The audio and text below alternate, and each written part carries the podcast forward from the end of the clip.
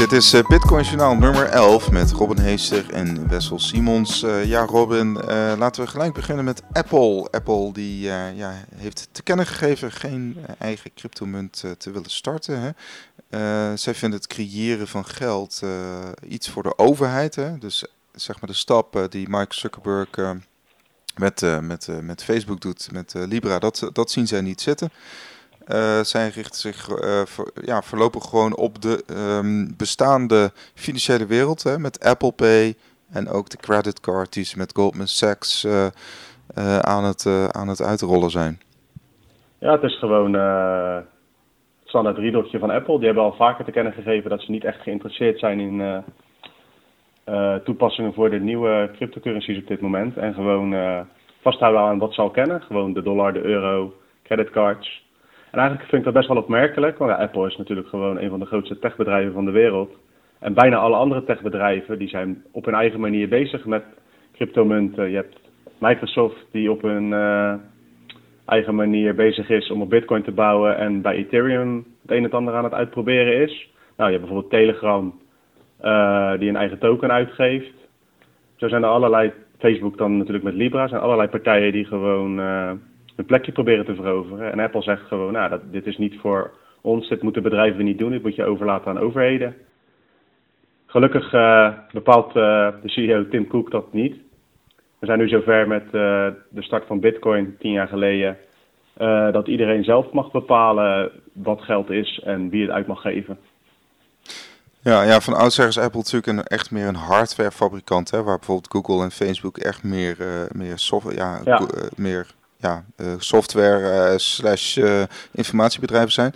Het ja. kan natuurlijk wel zijn dat Apple, maar dat is een beetje speculoos, dat ze op de duur wel zeggen, nou bijvoorbeeld zo'n kastje wat Casa maakt, dat, dat zouden wij ook wel willen maken bijvoorbeeld. Hè? Zo'n, ja, dat, is, uh, dat is waar, ja. Ja, Apple is ook wel, um, qua privacy en zo doen ze wel, dus naar de buitenwacht hun best om zeg maar de mensen buiten de deur te houden, FBI en weet ik wat allemaal.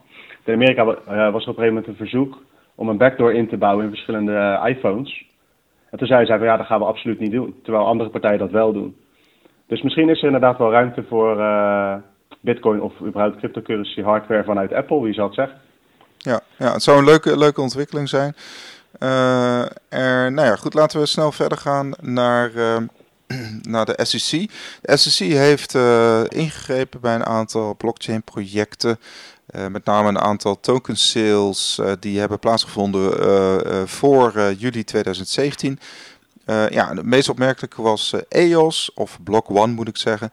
Ehm, een boete van 24 miljoen dollar. omdat ja, EOS heeft destijds, of Block One moet ik zeggen, nooit echt aangegeven: oké, okay, we gaan deze token sales starten. we hebben nooit formeel aangemeld bij de SEC. Um, en um, feitelijk, hè, door, doorgaans moeten Amerikaanse beleggers dan ook uh, gewoon de hele KYC, et cetera, doorlopen om zeg maar aan zo'n token sale mee te doen. Dat is allemaal niet gebeurd. Um, nou, op zich, het, het is een lage boete en ik denk dat dat te maken heeft met eh, het feit dat EOS was heel even een ERC20 token, dus het werd zeg maar gebouwd op het Ethereum netwerk. En ja. de, boete, de boete gaat dus ook om die periode. Dus het gaat niet zozeer. Okay. Uh, nee, het gaat dus inderdaad niet zozeer om het feit dat ze een munt zijn op een eigen blockchain. Nee, het gaat echt over het feit dat zij uh, ERC20 token uh, waren. Dat is in ieder geval de, de verklaring die Block One geeft. En dat, dat geeft dus ook speculatie aan allerlei. Uh, ja, ook Jack Savinsky zei van nou, als dat zo is, dan kan het zijn dat, dat EOS zeg maar, als cryptomunt op een eigen blockchain wel toegelaten wordt. Alleen dat, dat, dat is nog helemaal niet duidelijk, omdat de SEC spreekt zich helemaal niet uit van oké, EOS is nu een security of het is nu een utility token. Ja? Nee, ja, wat ik denk gelijk is, uh, misschien heeft de SEC op dit moment alleen het framework klaar voor de eerste 20 tokens, die ICO's. En dan kunnen ze niet ook nog uh, alvast beginnen met EOS op hun eigen chain ook nog te beboeten, zeg maar, die periode. Dat zou een verklaring kunnen zijn. Uh, en wat ik ook denk is dat, uh, er was nog een andere munt, SIA. SIA Die coin. moest uh, schikken voor ruim 2 ton aan dollars. Terwijl ze in 2014 slechts 120.000 dollar hadden opgehaald. Dus daar is de boete twee keer, bijna twee keer zo hoog als dat ze hebben opgehaald in 2014. Dat is wel een verschilletje. Klopt. Ik denk dat er bepaalde variabelen bij de beide zaken betrokken zijn, waardoor die boetes verschillen. Ja, die SIA, dat staat eigenlijk weer een beetje los van elkaar. Hè? Uh, omdat ja, SIA had best wel een, best wel een raar begin, zeg maar. Want ze hebben echt bijvoorbeeld via uh, Bitcoin Talk hebben ze bijvoorbeeld uh, ja, een soort van certificaten verkocht en ook aandelen oh. verkocht. Ja, Hè, dat, dat, dat ging helemaal nog niet via, via zeg maar een gelikte website of zo. Dus, ah, dat was echt een old school crowdfunding.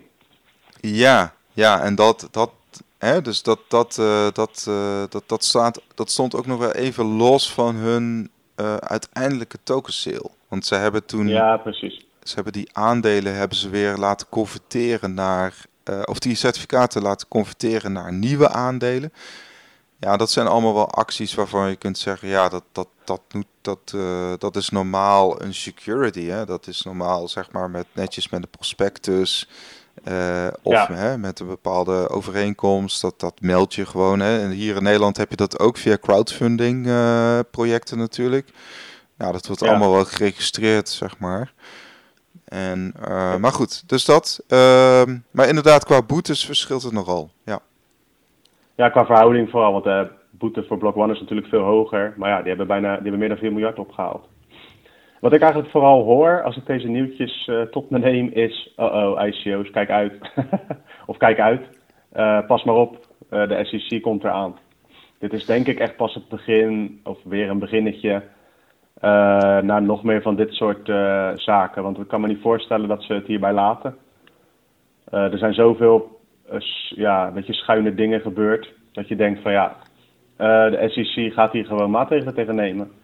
Zelfs met terugwerkende kracht, zoals je nu ziet. Ja, ik denk dat dat ook een hele goede is. Hè? Dat, er, dat er gewoon echt met terugwerkende krachten opgetreden wordt.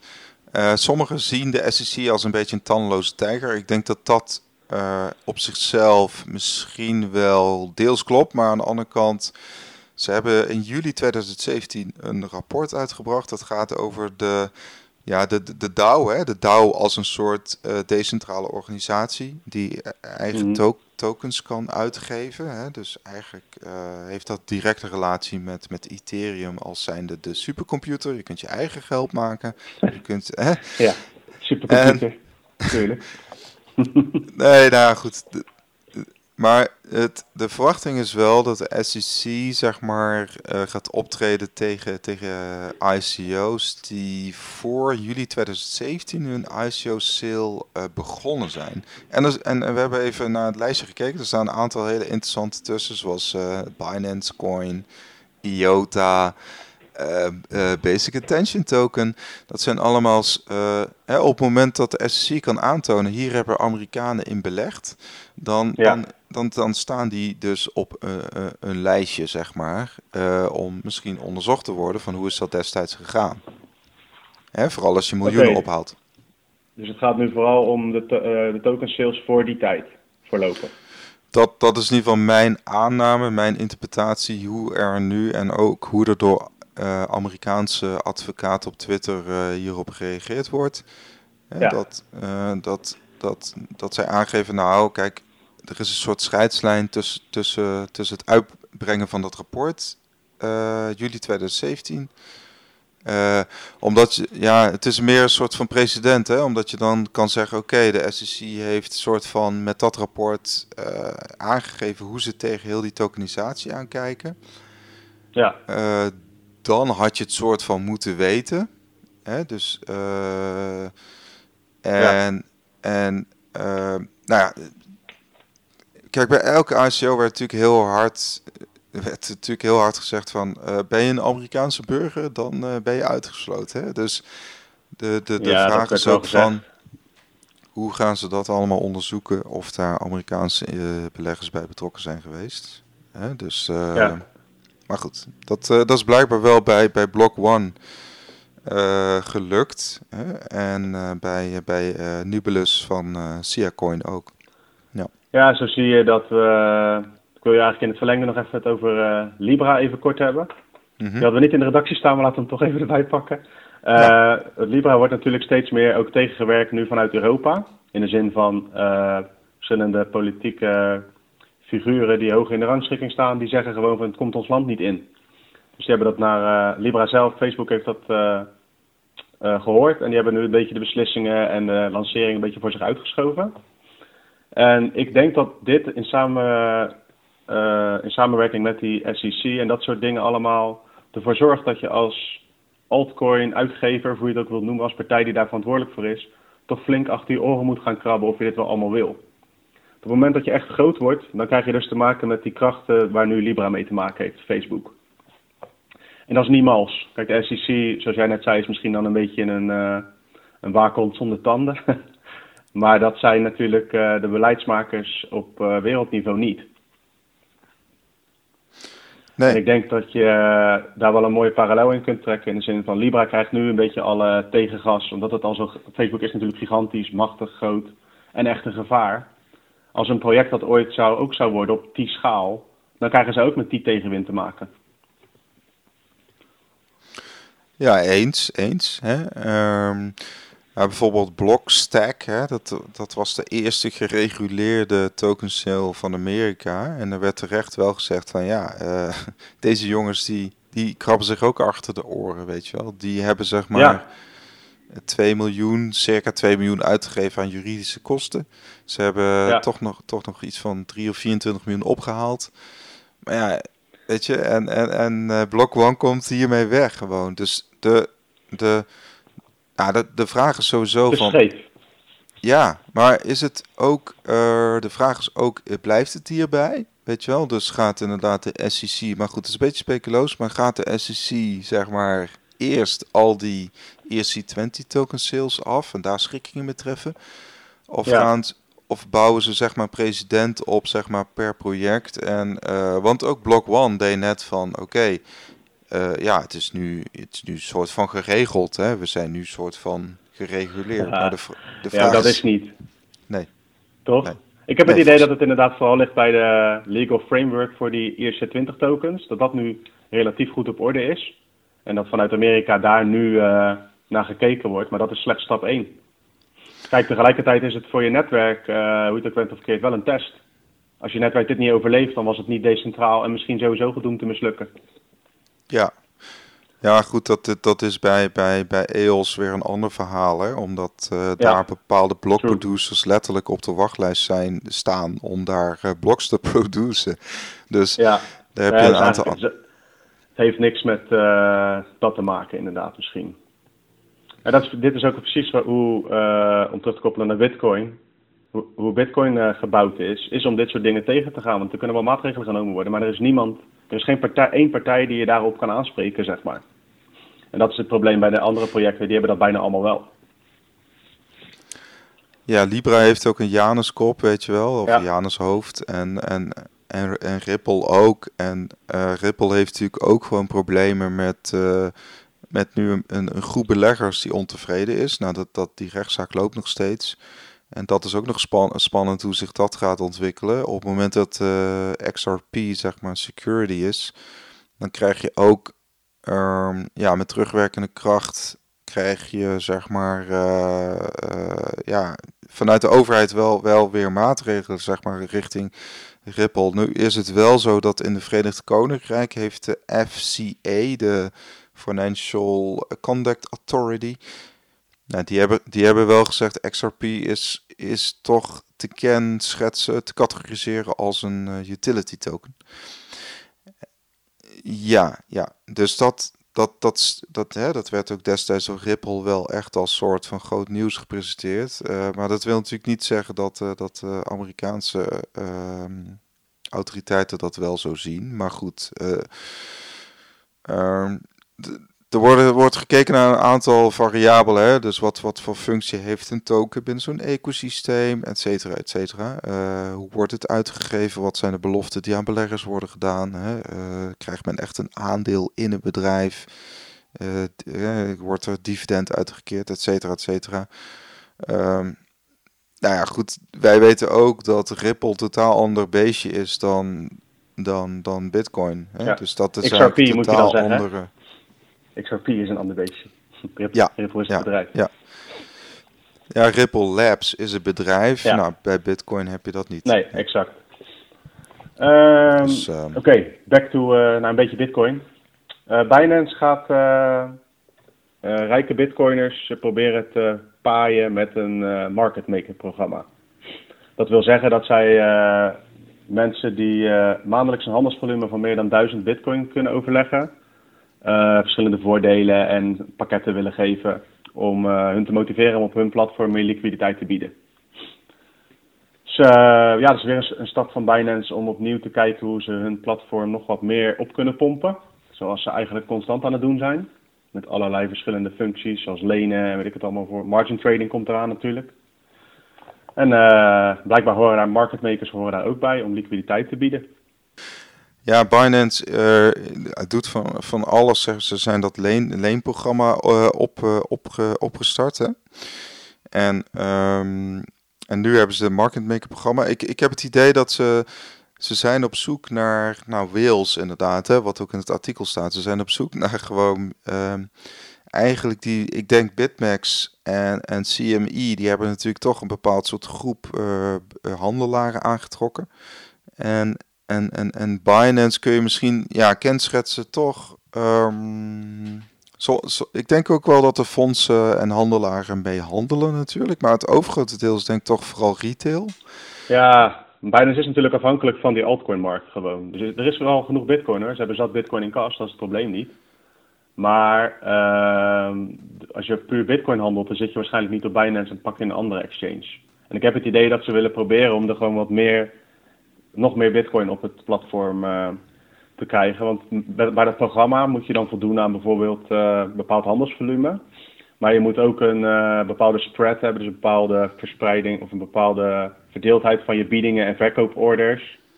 Je moet je orders lang genoeg open laten staan. En specifieke ruilparen zorgen voor een betere beloning.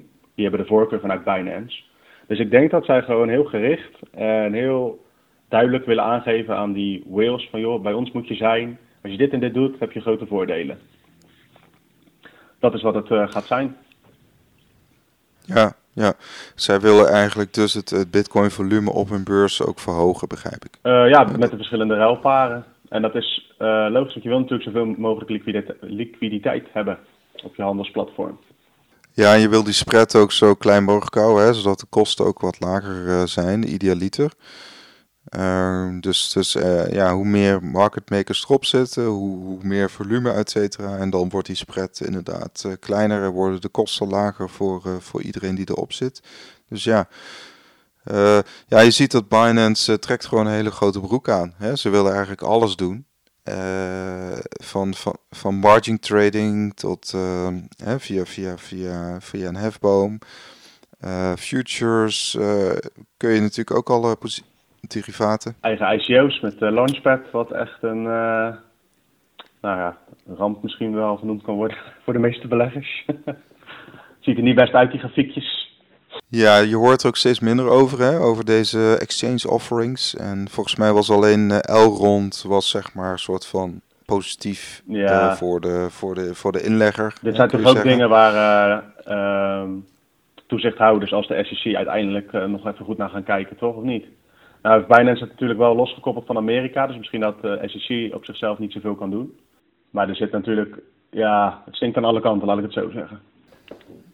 Ja, ik, ik heb zelf nog een wilde theorie. Ja, Eh, ja, die, kunnen, die kunnen we, die kunnen we erin houden, eh, inhouden of niet. Maar nou, ik, ik was dus naar dat lijstje aan het kijken van, eh, van de SEC. En ik dacht, oh, maar de Binance coin, die is dus... eh, die was 3 juli 2017 is die gesloten. Hè? Dus eh, de token sale van de BNB token, zeg maar. En eh, nou, de SEC heeft in juli 2017 dus eh, dat DAO-rapport uitgebracht. En eh, dus eh, de Binance Coin valt gewoon in de categorie, zeg maar, van te onderzoeken tokens voor de SEC. Dus ik denk, mijn wilde theorie is van, ja, de, de, SEC heeft al lang, zeg maar, die heeft gewoon naar de top eh, 30 tokens gekeken van, dat, van die lijst. Die hebben toen Binance gewoon beg- begin dit jaar misschien eh, gecontacteerd van, joh, wij gaan gewoon onderzoek doen naar jou, jullie token. Mhm. En we, eh, sterker nog, misschien hebben we al Amerikanen die in jouw token hebben geïnvesteerd. We, we eisen gewoon sowieso dat jij je beurs gaat opknippen. En Ah. anders, dat, dat is de wilde theorie, hè? Dus dat, dat is misschien de, de, de pook, zeg maar, waarmee, eh, of de stok waarmee, zeg maar, eh, de SEC had. Dat, nou ja, goed. Ja, maar het is sowieso, Binance US is natuurlijk eh, bedoeld om bepaalde straffen en bepaalde maatregelen voor te zijn. Daar kunnen we wel gewoon over eens zijn, anders zouden ze het platform wel in Amerika laten. Precies zoals het is. Precies, precies. En eh, nou ja, goed, de BNB-token die wordt daar wel hè, op geaccepteerd. Hè? Dus, dus in die zin, eh, ik denk dat dat een soort van, de, ja, hoe ze, Ik, eh, vind het een leuk verband. Het is speculeren, Ja, maar het is wel iets om over na te denken in ieder geval. I like it. Oké. Ehm, maar goed, dus nou, laten we snel naar de volg- het volgende onderwerp gaan. Dat gaat over BACT. Hè. BACT eh, is natuurlijk vorige week eh, gelanceerd. Dat is eigenlijk toch een beetje een hype gebleken. Tenminste, ik heb hier en daar in Nederland ook een paar handelaren gesproken die zeggen: ja, het leeft hier nog gewoon überhaupt niet, BACT. Hè. En eh, ook de klanten die BACT, waar BACT zich op richt, daar leeft überhaupt crypto nog niet, of bitcoin, zeg maar. Ter- Terwijl dat wel de, de doelgroepen zijn. En dus je kunt zeggen, nou ja, het heeft daardoor ook wel tijd nodig. Eh, en je kunt ook zeggen, nou, ICE, zeg maar, het moederbedrijf erachter, eh, doet dit niet zomaar. Dat is echt een miljardenbedrijf. Er zitten natuurlijk eh, veel, veel, veel andere bedrijven ook achter, zoals Microsoft en, en ze gaan ook bi- bitcoin betalingen doen met Starbucks. Hè, dat moet, moet ook via BACT gaan lopen. Dus al met al, ze, zal ik het zo zeggen, het is alsof je een eh, totaal ingericht, eh, ja, weet ik veel, totaal ingericht iets op je afkomt. En, eh, en inderdaad, er gebeurt nog niet zo heel veel. Eh, qua handel. Hè? Dus eh, de handelaren hebben nog niet, eh, niet eh, ontdekt. Ja, nou wat ik bij BACT vooral heb is dat ik denk eh, sowieso langere aanloop nodig. Want zij hebben gewoon een x-aantal bitcoin in kas nodig om hun klantenbestand eh, te kunnen dekken. Maar eh, als de klantenbestand nog niet groot genoeg is, ja, dan gaat het niet veel invloed hebben op de markt. Daar komt het eigenlijk op neer. Ik denk dat we met z'n allen misschien ook wel een beetje te veel aandacht hebben gegeven aan BACT. Als media en als gewoon eh, consumenten in het algemeen. En eh, ja, het is vooral afwachten gewoon wie er op die bandwagon gaat stappen bij BACT. Kijk, als er op een gegeven moment een x-aantal partijen zijn die daar gewoon vol instappen, dan is het interessant om te zien hoeveel bitcoin zij dan nodig hebben in kas. Want dat vind ik eigenlijk het interessantste. Die bitcoin future producten en zo, dat is super eh, leuk dat dat nu kan. Voor de mensen die daar geïnteresseerd in zijn. Maar ik vind het vooral interessant om te kijken hoeveel bitcoin BACT dan uit de markt neemt, zeg maar. En ik denk dat dat gewoon tijd nodig heeft. Want ja, welke beurs dan ook, je moet wel een eh, klantenbestand opbouwen. Het is niet zo dat eh, misschien op Binance na, dat je gelijk aan de top staat. Ja, ja, de contracten worden ook gezien als een soort hedge, hè? met name voor eh, miningbedrijven. Dus stel dat jij, eh, ja, stel dat je heel veel bitcoin zeg maar ook verdient met minen, dan kun je zeggen, nou, ik ga een deel van mijn bitcoin ga ik hedgen via een eh future contract. Ik, ik, ik noem wat, stel dat wij gewoon zouden afspreken van Robin, jij denkt dat het 10.000 dollar wordt en ik denk dat het eh 8.000 blijft. En we gaan samen contract aan. Eh, en die loopt af in december. Eh, nou, stel dat het in december 10.000 dollar is, dan krijg jij volgens het contract krijg jij dan het verschil. Hè? Dan krijg jij 2000 dollar. Eh, en bij, bij, bij CME is dat eh, 2000 dollar echt. En bij BACT is dat 2000 dollar in bitcoin. Nou ja, voor miningbedrijven kan dat een interessant gokspelletje zijn misschien. hè? Ja, Het is toch een beetje professioneel gokken. Het is een gokspelletje, maar tegelijkertijd is het ook juist eh, een beetje zekerheid inbouwen van als de koers naar beneden gaat, dat je toch nog iets hebt als je short bent als miningbedrijf. Dus het is een beetje eh, Ja, precies. van twee kanten. Dus ja, dat was ook een van de Twitter-theorietjes, hè. Dat de miners eh, gewoon short zijn gegaan bij BACT en dat dat de reden was voor de prijsdaling. Maar ik vind daar het volume te laag voor op bij BACT. Om invloed te hebben op de algehele markt. Wat ik wel denk is dat de Bitcoin-markt in zijn geheel altijd, of niet altijd, soms reageert op nieuws waarvan we met z'n allen veel meer hadden verwacht. En dat is nu een beetje eh, Ja. aan de hand natuurlijk. Kijk, je kan geen verbanden leggen, want je kunt het niet bewijzen. Maar misschien hadden we met z'n allen wel iets meer volume, iets meer gekkigheid bij bak verwacht. Ja, we hebben het zelf ook een beetje gehyped natuurlijk, dus daar, daar ontkom je niet aan. Uh, het is twee keer uitgesteld geweest. Nou, toen, toen kwam het er en uh, toen was er eigenlijk weinig. Uh, iets van 5 miljoen aan contracten. Nou, dat is niet zo heel veel. Nee. Um, ja, en ik denk ook voor, dat klinkt misschien gek, maar juist doordat ze settelen in bitcoin kan dat ook wel juist een, uh, voor reguliere traditionele uh, handelaren ook weer een, uh, een drempel zijn. Hè? Omdat zij, ze zijn zo gewend om te settelen in dollars. Ja, en te denken in dollars. Dat, en te denken in dollars, dus het is, het is ja, afgelopen week was er ook weer een ander fonds hè, uit, New York, die ook Chinese klanten bedient, bla bla bla. Nou, die doen toch alleen maar uh, gesetteld in dollars. Plus bij CME hoef je niet, je hoeft niet de bitcoin te bezitten. Hè? Dat, dus je kunt gewoon speculeren en je hoeft alleen maar die contracten te kopen. Bij CME is het ook zo. Die contracten zijn ook groter. Dus dat is 5 BTC. Bij BACT is dat maar 1 BTC. Maar bijvoorbeeld bij CME kun jij gewoon, vijf contra kun jij gewoon contracten kopen. Uh, en dan hoef je maar 40% uh, van de onderliggende waarde in te leggen. Hè, dus um, dus de, de, de drempel is ook best wel laag gemaakt, zeg maar. En de, en de, de overige wordt gewoon door CME, denk ik, bijgeplust of zo. In, in hun, vanuit hun eigen balans. Dus ja, dat maakt het ook allemaal vrij interessanter, zeg maar, om daar iets meer mee te speculeren. Want die CME heeft de ene na het andere record. Hè, dus... Ja, ja ik denk dat uh, BACT voor de lange termijn interessanter is. Het is vooral interessant dat er nu dus een financieel product is die uh, dit, dit soort financiële producten die gedekt zijn door bitcoin. Dat vind ik interessant, dat uitbetaald worden in bitcoin. Dat betekent dus dat dat de native currency is, of de valuta van dat platform. Niet de dollar. Daar heb je eigenlijk niks meer mee te maken, behalve dat nog steeds gekeken wordt naar de dollarprijs natuurlijk. Nee, dat, het, is, het is vernieuwend, hè? maar uh, de markt lijkt er gewoon inderdaad nog niet klaar voor. En het is inderdaad voor Bitcoin echt wel een doorbraak. Het is echt wel. Uh... Ja, het, het, is zeg maar, Bitcoin heeft dit niet nodig. Maar het is altijd het is fijn om uh, erkenning te krijgen vanuit de traditionele markten. Dat vind ik ervan eigenlijk. Ja, ja.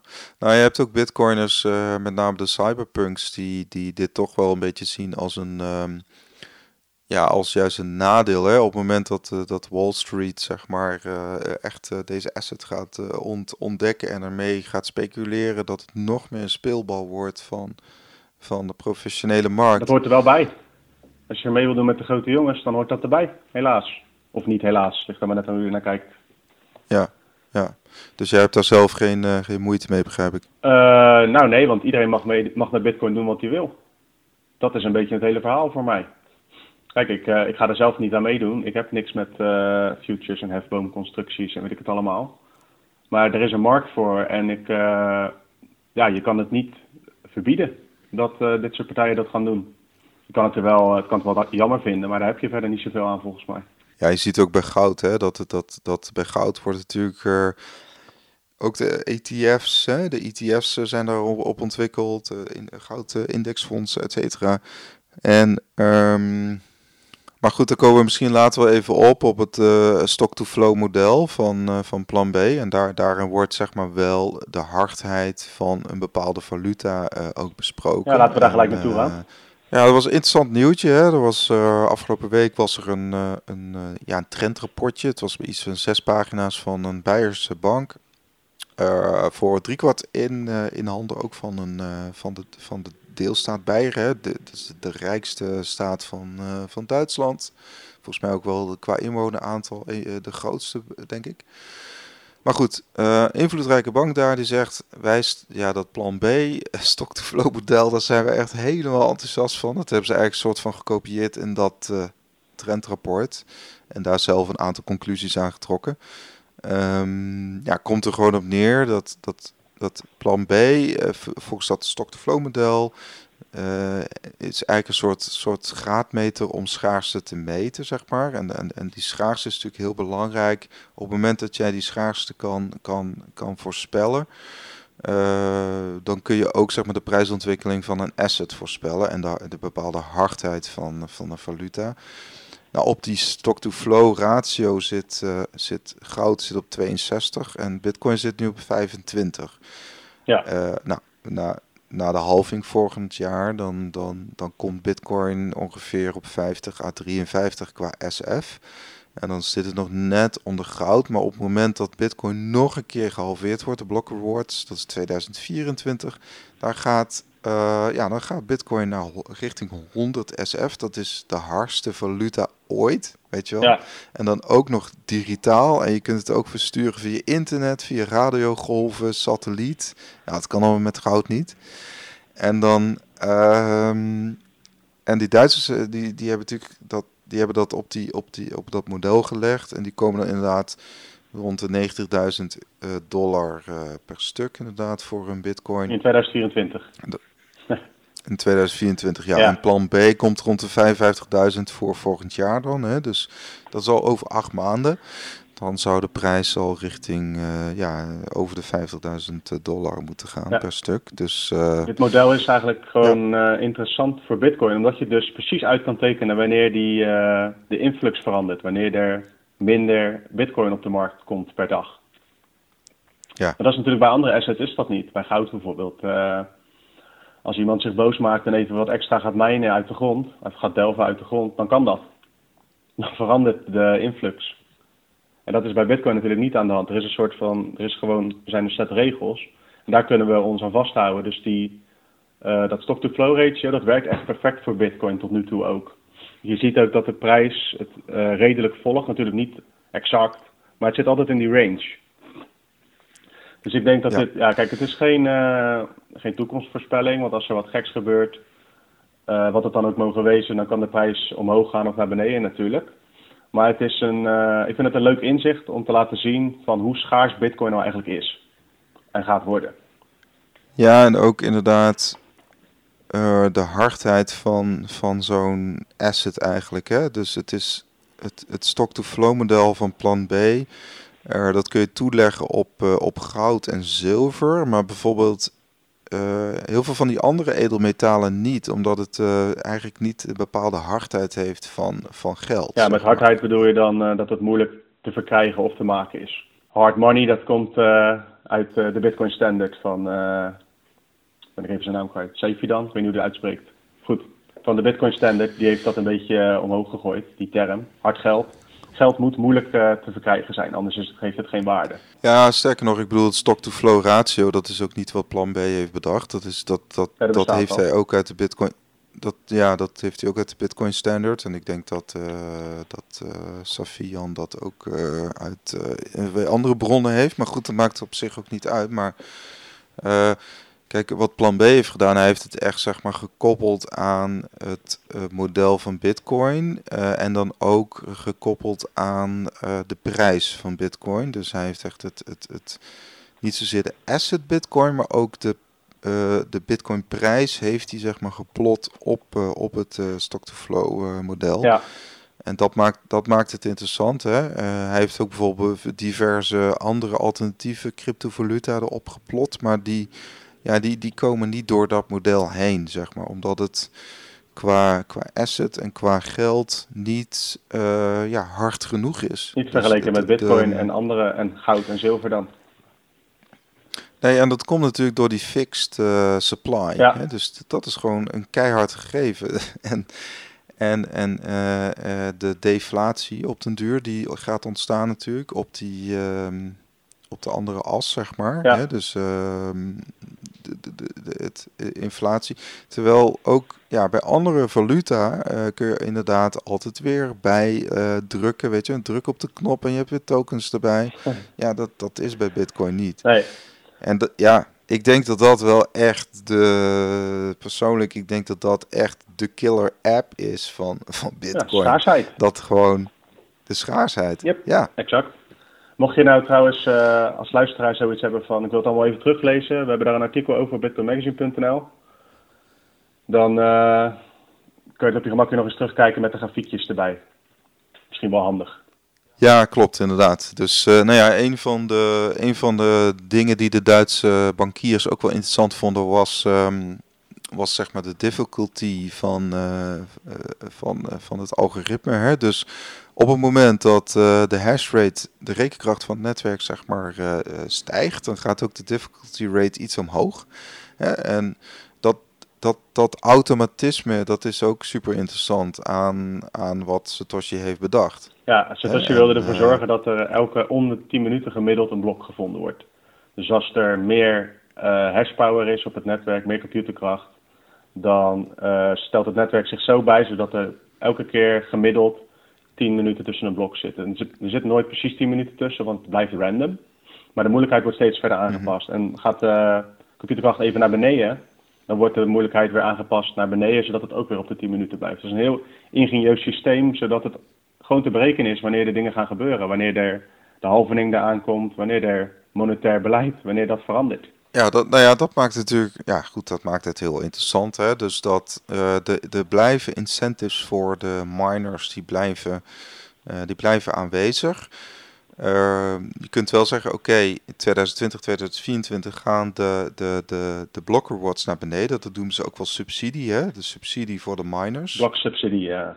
Dus dan, uh, maar dan hebben ze altijd nog de transactiefees. Hè? Dat is een beetje het idee dat, dat het netwerk dat moet uiteindelijk wordt door de transactiefees. Want uh, kijk, of bitcoin moet voorlopig zoveel stijgen dat het ook nog bij de volgende vijf halvening of weet ik veel wat nog steeds rendabel is om alleen op de block reward te teren. Maar dat, uh, dat gaan we zien. Ik denk dat het vooral um, een kwestie is van afwachten hoe dit, hoe dit gaat lopen. Want we hebben al meerdere halvenings gehad. Twee geloof ik. Uit mijn hoofd. Ja, uh, ja, tweede, ja, 2000, uh, ja. 2012, en, 2016. Uh, ja, ik denk dat we daar met z'n allen wel nog over na moeten gaan denken hoe we dat willen doen. Want hadden we toevallig vandaag nog over, Wessel. Uh, als bijvoorbeeld het Lightning Network tweede laags uh, oplossingen werken, dan gebruik je de onderlaag helemaal niet. Maar daar zijn de transactiekosten te verdienen voor de miners. Dat is wel gewoon een issue waar we tegenaan gaan lopen misschien. Maar we gaan zien hoe dat uitpakt, denk ik zo. Dan gaan we een leuk bruggetje maken naar, uh, we hadden het over bitcoin miners. Oezbekistan wil niet langer goedkope energie leveren aan deze bitcoin miners. In Oezbekistan is elektriciteit relatief goedkoop. Ik pak het er even bij. 0,035 uh, dollar per kilowattuur. Terwijl dat in Nederland ongeveer acht keer zo hoog ligt voor alleen groene stroom in Nederland. Voor per huishouden. Dus dat is acht keer zo laag. Oftewel, het is interessant om daar als miner je energie vandaan te halen. Maar het land heeft zoiets van, uh, ik moet goed zeggen, niet het land. Het ministerie van Energie in Oezbekistan die wil bedrijven gaan belasten die bitcoin delven met hun energie. En waarom ze dat willen is eigenlijk puur omdat zij vinden dat die miners geen meerwaarde leveren aan het uh, Oezbekische ecosysteem, gewoon het land zelf. Zij halen daar goedkoop energie en verdienen daar bakken met geld. En zij hebben zoiets van ja, en wij dan? ik vind het nou typisch zo'n voorbeeld van een, uh, een land die toch het ecosysteem van Bitcoin een beetje kan beïnvloeden. Op het netwerk hebben ze niks tot weinig te zeggen. Maar natuurlijk op hun fysieke grond kunnen ze gewoon maatregelen nemen tegelijkertijd denk ik ook gelijk, nou, die bitcoin miners gaan dan gewoon verhuizen. Ja, het is, kijk, bitcoin miners zoeken natuurlijk gewoon de plekken met de goedkoopste energie. Hè? Dus ze gaan uh, vooral in de noordelijke helft zitten. Dus uh, tenminste, ja, wat we zo zien, hè? Canada, Scandinavië, uh, inderdaad. China. ja, gewoon. Dat is dan China, dat is de Rusland, plek, ja, ja. Ja. Ja, tuurlijk. Dus ja, je, je kijkt gewoon waar is de goedkoopste energie. En daar, daar krijg je natuurlijk gewoon de, de meeste bewijs van de meeste bitcoin voor terug. Hè? De meeste bitcoin voor ja. ja, tegelijkertijd moet je ja. ook niet onderschatten. er moet natuurlijk hardware en zo moet ook nog geleverd worden en zo. Je kan wel echt op een uh, hele remote plek zitten, wat vaak gebeurt, maar de hardware moet er ook nog heen. Het zijn kleine dingen, maar je moet ook kijken naar zo'n soort toewegen en zo. En daarom is China interessant, omdat die hardware natuurlijk voornamelijk daar ook geproduceerd wordt je bent al uh, op de plek waar je moet zijn. Ja, je hebt minder transportkosten, et cetera. Uh, in China heb je natuurlijk wel te maken met, met uh, toch wel natuurverschijnselen. er was ja. een paar weken in augustus was er bijvoorbeeld zo'n modderstroom die zeg maar zo'n mining operatie platlegde. Ja, dat heeft ook te maken dus, met dat je op plekken gaan zitten waar andere mensen niet zouden willen wonen. En daarom willen wonen, ja, willen wonen. En daarom is de energie daar zo goedkoop. Het is niet zo dat zij energie overnemen dat normaal naar een grote stad zou gaan. normaal gesproken. Want dan was de energie niet goedkoop. Nee, sterker nog, de Chinese overheid heeft uh, volgens mij in het zuid, zuidwesten of zo hebben ze, hè, hebben ze heel veel, uh, wilden ze heel veel grote steden gaan plannen, hebben ze heel veel waterkrachtcentrales neergezet. Nou, al die steden zijn toen niet doorgegaan. En ja, ze hadden te maken met overtollige energie. Dus ja, waarom dan niet bitcoin van minen? Want energie gaat anders toch verloren eigenlijk. Hè? En, en dus ja, het, het hele idee dat, dat, dat zeg maar, maar er wordt te veel energie opgewerkt. Dus met dat overtollige kun je ook mooie dingen doen, zoals het, uh, ja, het onderhouden van een Bitcoin-netwerk. Ja, ik, uh, ik zie daar het probleem niet zo van in. Het was uh, onderzoek van rond mei dit jaar. Was 74% van de energie die gebruikt wordt voor Bitcoin zou groene stroom zijn. Nou, ik denk niet dat er veel industrieën zijn die, goed, die groener zijn. Nee, maar Oezbekistan die heeft dus zoiets van, uh, ja, doe dit maar niet meer bij ons, tenzij je een premium wil betalen op elektriciteit. En in de praktijk betekent dat denk ik dat daar gewoon uh, de bitcoin mining langzaamaan weggaat en naar andere goedkopere gedeeltes van de wereld uh, verhuist. Ja, Kijk. Nou, het, blijft wel interessant hè, want je zei al van een regering kan bitcoin proberen te verbieden. Er zijn ook vier landen in de wereld, Marokko, Tunesië, uh, Bolivia en Ecuador, mm -hmm. die Bitcoin officieel verboden hebben. Ja. Dat, dat is wel, wel een grappig uh, okay, fenomeen eigenlijk. Want... En uh, verboden op welke manier? Ik bedoel, in theorie kan ik daar gewoon met mijn Trezor naar binnen lopen. Nou, ik denk sowieso om het te, te minen, hè? dus om ja, het te je maken. Je mag er geen industrie maar. omheen bouwen, ik denk dat dat het vooral is. Want ik denk, het bezitten ja, van bitcoin ja. is moeilijk te handhaven. Als je kijkt wat voor verdovende middelen er allemaal verboden zijn. En hoe makkelijk het daar, daaraan te komen is als je je best doet. Dat geldt natuurlijk voor Bitcoin misschien nog wel veel meer, omdat het een digitaal iets is. Nee, dat begrijp ik wel. Het gaat om de intentie ja. van zo'n regering dat ze denken dat ze het kunnen verbieden. Ja, precies. Ja, dus... Ik, ik, uh, als ik daar bij zo'n vergadering zou zitten, zou ik zeggen: waarom zou je het willen verbieden? Wil je niet proberen een stukje van die industrie op te pakken en je land daarmee uh, een voordeel te geven? Nou, ik moet toch even denken aan dat ene artikel er in het NRC was dat, hè, waarbij ze dus ingingen op die, uh, ja, die wisselautomaten. Dus uh, je stopt uh, een briefje van 50 erin en je krijgt bitcoin voor terug. Ja. Hè, de bitcoin ATM's. nou, blijkbaar in dat rapport van, van die twee onderzoekers, of een journalist en een onderzoeker, Pieter Tops en Jan Tromp, werd dat gezien als, ja, als ook een manier om geld te witte wassen. Nou, daar zijn helemaal geen cijfers van bekend. Nee, dat is gewoon dus de, schieten zonder te kijken waar, uh, waar de kogel landt. Uh, het is toch gewoon, je mag toch met je geld doen wat je wil. Je mag daar toch bitcoin van kopen, dat is toch niet verboden? Oké, okay, ik moet corrigeren, je mag niet doen met je geld wat je wil. Je moet je wel aan de regels houden. Maar bitcoin kopen is niet verboden in Nederland volgens mij. Ah, waar, waar ze natuurlijk op doelen is dat, dat iemand bewijst van met een, met een, met een sporttas, met, uh, ik noem maar wat, heeft net een bank overvallen en ja, dan, dan gaat hij, weet ik veel. Nou ja, maar dan nog, hè, dan stel je hebt 50.000 euro uh, van een bank uh, gejat. Ja. Dan ga, ga je dan al die briefjes in zo'n ATM stoppen. En zelfs als dat, zou gebeuren, dat... stel dat ze daar voorbeelden van hebben. Waarschijnlijk staan er duizend mensen tegenover die het gewoon op een normale manier gebruiken. Of 500. Moet dat dan helemaal afgekapt worden daarom? Ik, uh, ja, ik kan daar met mijn verstand niet bij. Maar misschien is dat mijn uh, ja. Bitcoin-brein. Dat zou kunnen. Nou ja, ik denk dat de gemiddelde crimineel gewoon wel andere manieren heeft om, om, om zijn geld wit te wassen. Ja, die hoeft niet dus... bij de lokale patatzaak uh, bij de Bitcoin-ATM aan de slag. Nee, maar misschien is het wel een leuk, uh, leuk onderzoekje. Ik heb hier in de buurt heb ik ook zo'n Bitcoin-ATM staan. Uh, misschien moeten we een keer gewoon een... Um, ja, niet een echte test doen, maar in ieder geval... ja, we kunnen gewoon legaal kopen, ja. toch? Dat kan daar toch gewoon? Ja, ja. Nou, laten we dat doen. En dus, uh, uh, nou, laten we met dit idee ook uh, de podcast afsluiten. We zijn al drie kwartier bezig. Een recordje voor, de, yes. voor het Bitcoin Journaal.